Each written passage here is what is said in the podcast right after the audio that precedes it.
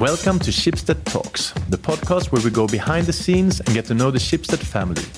My name is Hugo Renberg, and every week I meet with an interesting colleague. In this episode, I talk to Britt Nielsen, the head of sustainability. She talks about Schibsted's carbon footprints, how we can reduce those footprints, and what you, as an employee, can do. Hello, Britt. Welcome to Schibsted Talks. Thank you. So, I've been working out today?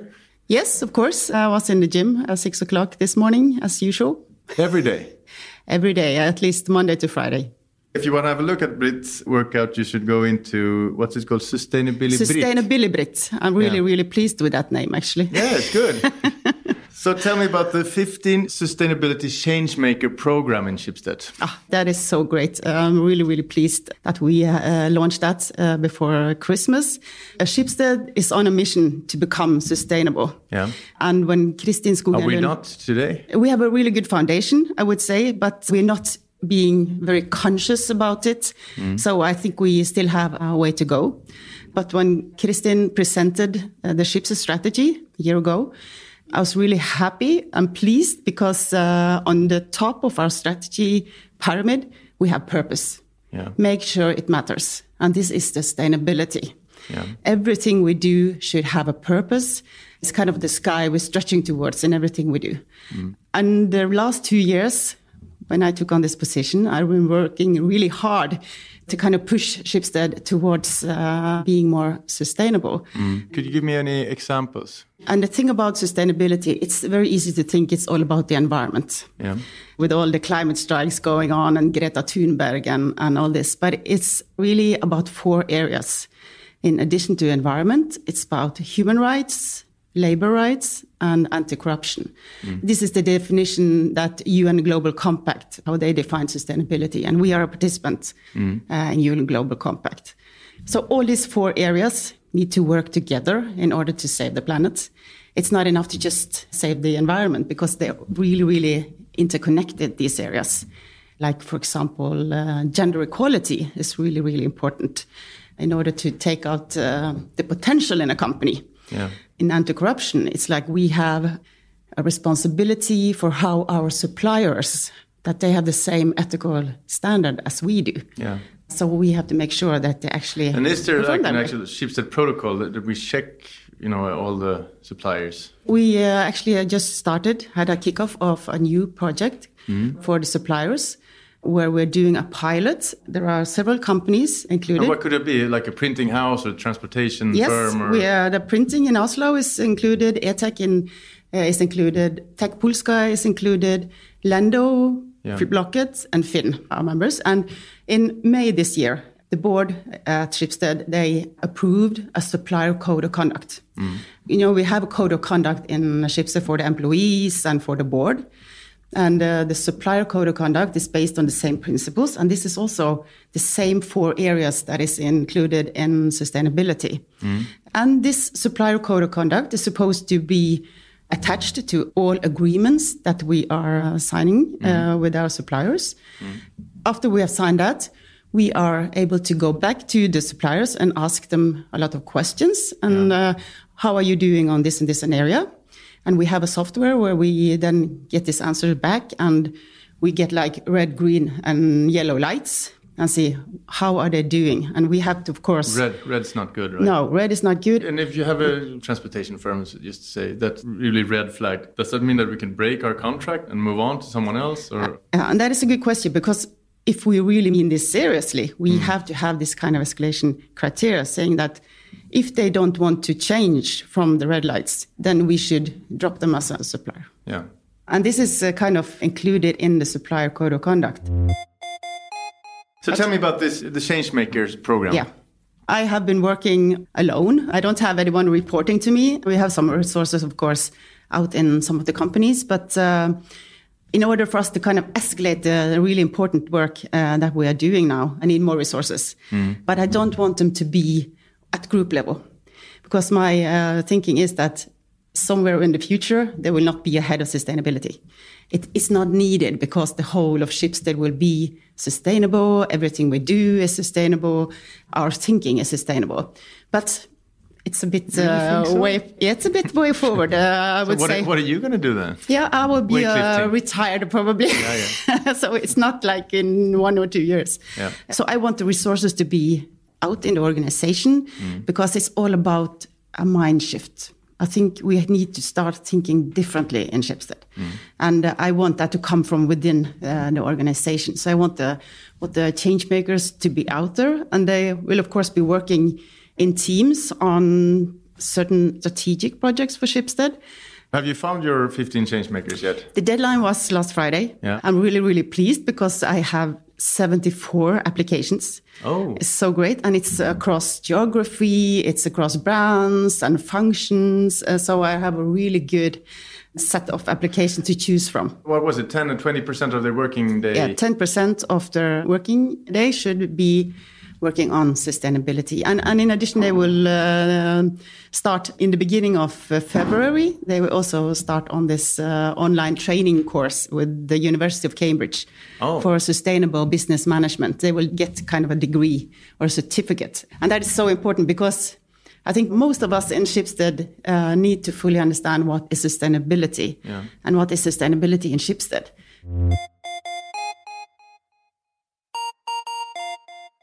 I read your article in the Future Report. When did you last rent a Uh, skirt? would you rent a skirt? Would you rent a skirt? When was the last time you rented a skirt? Then? Actually, I must admit I haven't uh, rented a skirt ever, but I haven't bought one lately either. My 13-year-old daughter is she's going to this uh, school prom soon, Yeah. uh, and she uh, and we decided yes we're going to rent a skirt. Good. So you practice as you preach. Yes. Sort of. Sort of. Yeah. but it, it had to do with the fashion industry. Well, you wrote about fashion shame. Mm. What do you think about this shaming thing? I don't think shame will change people's behavior. I think we need to What to will? actually uh, do something positive and empower people in their lives to kind of uh, help them to become sustainable. But it's very interesting to see that in Sweden in 2019, Yeah. because of this uh, flight shame, domestic flights was reduced with nine percent It was? from 2018 to 19. But we didn't see the same effect in uh, Norway. Okay. And of course, Norway is the country where we have uh, we are on the list of the climate deniers, just beaten by uh, the U.S. and Saudi Arabia. So Because so of your oil or- yes, Yeah. definitely because of the oil. Yeah. But I think we need to kind of um, help people and to make sure that they can contribute with what they actually can, Mm. doing it in a positive way. And you know, people they like to compete, and they like to compete with their neighbor, for example. Yeah. So it's uh, there's been some research showing that in the streets of Oslo, uh, where you have the most electric vehicles like Tesla, Yeah. it's the probability of you buying a Tesla is much higher than in other streets when they don't have this kind of cars. And the same goes with solar panels. Yeah. So I think making people uh, more aware, giving them the information, and uh, kind of giving them the tools uh, in order to uh, become more sustainable. I think that's that's what we should do. What sort of grade would you put on Schibsted right now then, 2020? Where are we? Oh, that's very, very difficult. The great thing about Schibsted is that we have a really, really good foundation. We kind of we are founded on the journalism, uh, strengthening the democracy, and of course we have uh, our marketplaces facilitating uh, secondhand trade and so on. So and we have a really good basic, but we are not aware. We are not conscious about how we can use this even better. How could we use it better? My mission is like we have committed ourselves since we are a participant in the EU Global Compact. We are committed to their 10 principles and these 17 sustainable development goals. And we are committed ourselves to reach those uh, within 2030. How sustainability has been looked upon, I would say, until now, and, and even uh, normal in other companies as well, is that we should act responsibly. You know, we should give money to charity and kind of just act good. Yeah. But my mission is I'm coming from finance. I worked in finance almost all my years, and uh, I know that we need to earn money. Yeah. Earn money by doing good. Yeah. We have to find those business opportunities out there in sustainable business. And this is the way we should do it in Schibsted. For example, You know, in our marketplaces, we have this great car verticals. Yeah. And that's good. And uh, with dashboards and everything is great. But what will happen the day when people don't want cars anymore? Where are we? Yeah. maybe they want electric cars and we can provide that. But if people want to rent cars, they want to share cars, they don't want to use cars at all, we have to think about that. We have to be where the people will be in the future or where the planet must be in the future. Are there any, any ways for the employees to engage to do more? Absolutely. I think if you think this is an important area, and, and there are a lot of employees that uh, that contacts me every week because they want to uh, know how can I contribute and uh, why are we taking so many uh, flights and uh, why don't we have rules for this and why are we using these paper cups in, uh, for coffee uh, and so on. So, so they're really eager to contribute and. Um, And how can they? I think that uh, first of all, you could start by reading our sustainability report. Every year we issue a sustainability report to kind of understand what we're actually doing today in, in Schibsted and what is sustainability for Schibsted.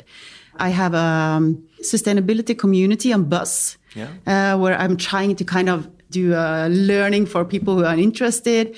And there you can also post things yourself. And if you have really good ideas, you should talk to your manager and or you can put it on Buzz or you can, uh, of course, contact me. Of course, apply for the Sustainability Changemakers. Uh, the deadline is out now, but this is a yearly program. Ah, okay, so there's So a new it chance in one continue. year. So there's uh, new chances coming up, but just engaged and uh, don't sit there with your own ideas. Just talk to people, talk to me, and uh, yeah, don't keep it to yourself.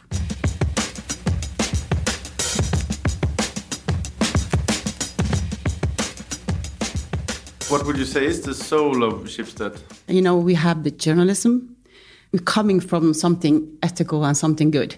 In our um, statement, saying that we empower people in their daily lives. That's what feels really close. Uh, all the products kind of make sense. Yeah. And that is sustainability, actually, I would say. Reading your article, I sort of felt between the lines that you were maybe not criticizing, but you know, H&M, Varner Group, and those Hmm. fast fashion chains. Well, they're not that sustainable, to No. be honest. But are we in the position to point fingers at them? Are we better than them? I would say so, even though we, because we are not a production company and our carbon footprint. But we print, we use Yes. paper, and we have transportation firms that. It's true. But uh, what is happening is we are not a production company. So our CO2 emission or carbon footprint is quite low compared to other types of companies. What Yeah. we have is brain print. You know, our journalism, uh, how we write things, how we. brain- what a wonderful word. Never heard that. Brain Yeah, print. Brain print is a great word. influence people then. Yes, we influence. And of course, we need to think about how we influence Yeah. and maybe use it to influence.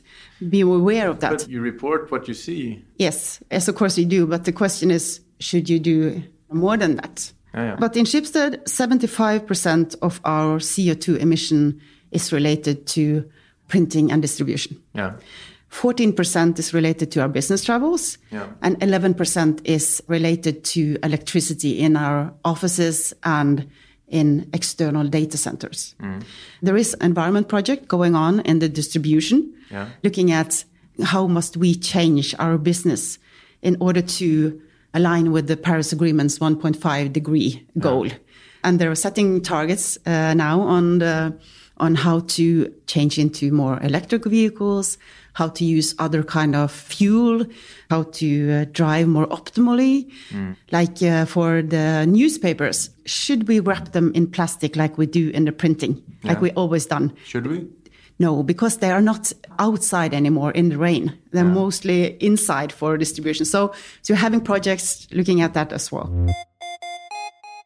Looking at the investments, what sort of companies would Schibsted never ever buy? And we don't have any rules for that. And that is one of my kind of uh, But you still, missions. you, I'm, yes. I'm guessing. I mean, Yeah. we shouldn't buy a tobacco firm. We, No, we don't buy an we arms. wouldn't do that because we have our strategy, and uh, we have on top we have the purpose. Make sure it matters. Yeah. So of course this is the guideline I would say for uh, our business, and and we also have the model where we say that we will we have the CAN model. We will invest 70% of our investments will be in what we already are in today, mm. uh, and then 20 will be in adjacent uh, business, yeah. and 10% will be in new business. But it's interesting to know. I mm. mean, you, you say we don't have any rules, but but I mean. I'm sure in your head, yeah, we have you know, ethics. you know that, yeah, mean, we have our would ethics. We, would we would we buy alcohol company? No. We would never ever buy no. alcohol company. No. Nothing to do with arms, nothing to do with tobacco, gaming.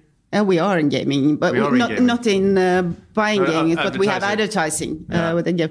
And this is a, it's a really good question. It's um, my thinking is that we should have an investment policy yeah. in where we will have sustainability criteria. We should hook off uh, yeah. before we uh, decide that this is a sustainable uh, company. Great. Schibsted Talks are brought to you by Schibsted Employer Branding Team. My name is Hugo Renberg and producer was Jens Back.